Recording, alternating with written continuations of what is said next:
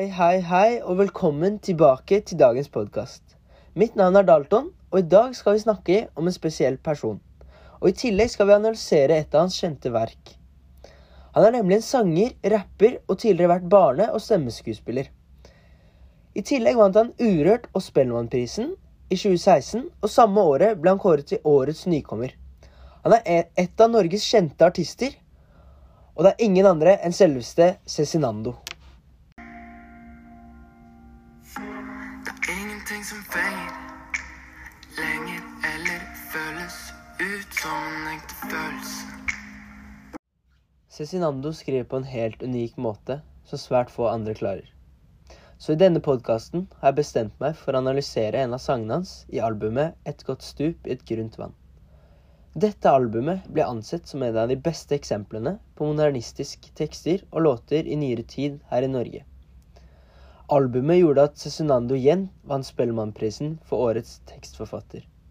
Og sangen heter 'Krokodilletårer'. Så problemstillingen for denne podkasten er hvordan tittelen på sangen og sangen henger sammen.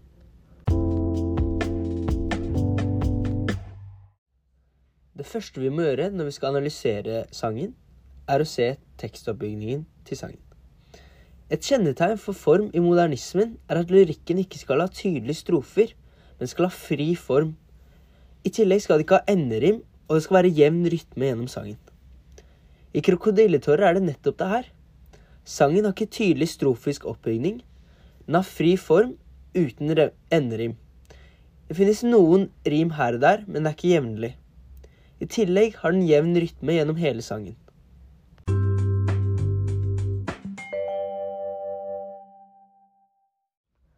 Det neste vi må se på, er hva sangen egentlig handler om. Eh, det første jeg tenkte når jeg leste sangen, var at det virker som om sangen er en samtale mellom Cezinando og kompis. Eh, dette tror jeg er fordi Cezinando innleder teksten med 'En venn fortalte meg'. Og de første setningene etter det virker som en dialog mellom eh, Cezinando og vennen. Sen, senere virker det som om vennen ikke helt har det bra, og Cezinando ikke tar det seriøst nok og får kritikk. Sangen 'Krokodilletårer' kan ses som et modernistisk verk. Eh, Dette er fordi den tar opp viktige samfunnsmessige temaer og problemstillinger som er relevant for det moderne mennesket. Eh, Temaer som meningsløshet. Dette merka jeg med en gang når jeg leste det her. Med din helgnerkisk type vennegjeng. Gangbanger type Emma hver andre fredag i en enkeltseng. Her virker det som om vennen syns det Cezinando gjør, er meningsløst, men likevel så vil han egentlig gjøre det samme. I tillegg så er det temaer da som angst, ensomhet.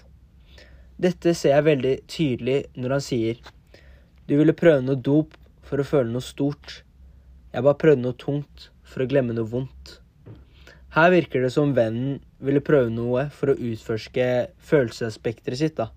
Mens Cezinando hadde allerede vært i denne fasen, da, og vært forbi den. Og at han gikk på sterkere dop for å glemme. Her virker det som om han har angst da, og dårlige tanker, og ville sette tankene på avstand ved å ta sterkere dop.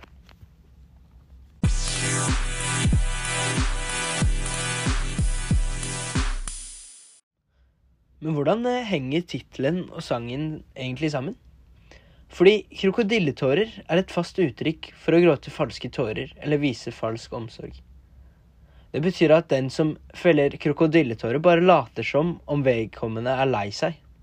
Og hvis man skal sammenligne det her med sangen, så kan det virke som at vennen prøver å få medfølelse av Cezinando etter å bli kasta ut hjemmefra. I tillegg sammenligner han livene, livene dem sammen, der han sier 'se på livet mitt, se på livet ditt' gjentatte ganger i sangen. Men alt i alt så virker det som om man bare har det bra og gråter falske tårer, altså krokodilletårer.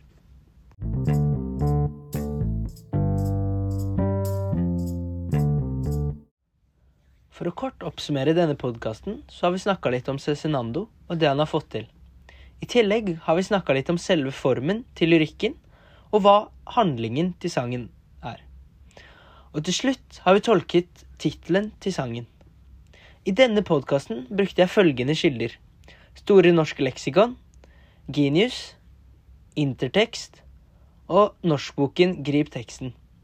Så håper du følger med på neste podkast, for da skal vi snakke om konspirasjonsteorien om at jorda er flat. Så følg med.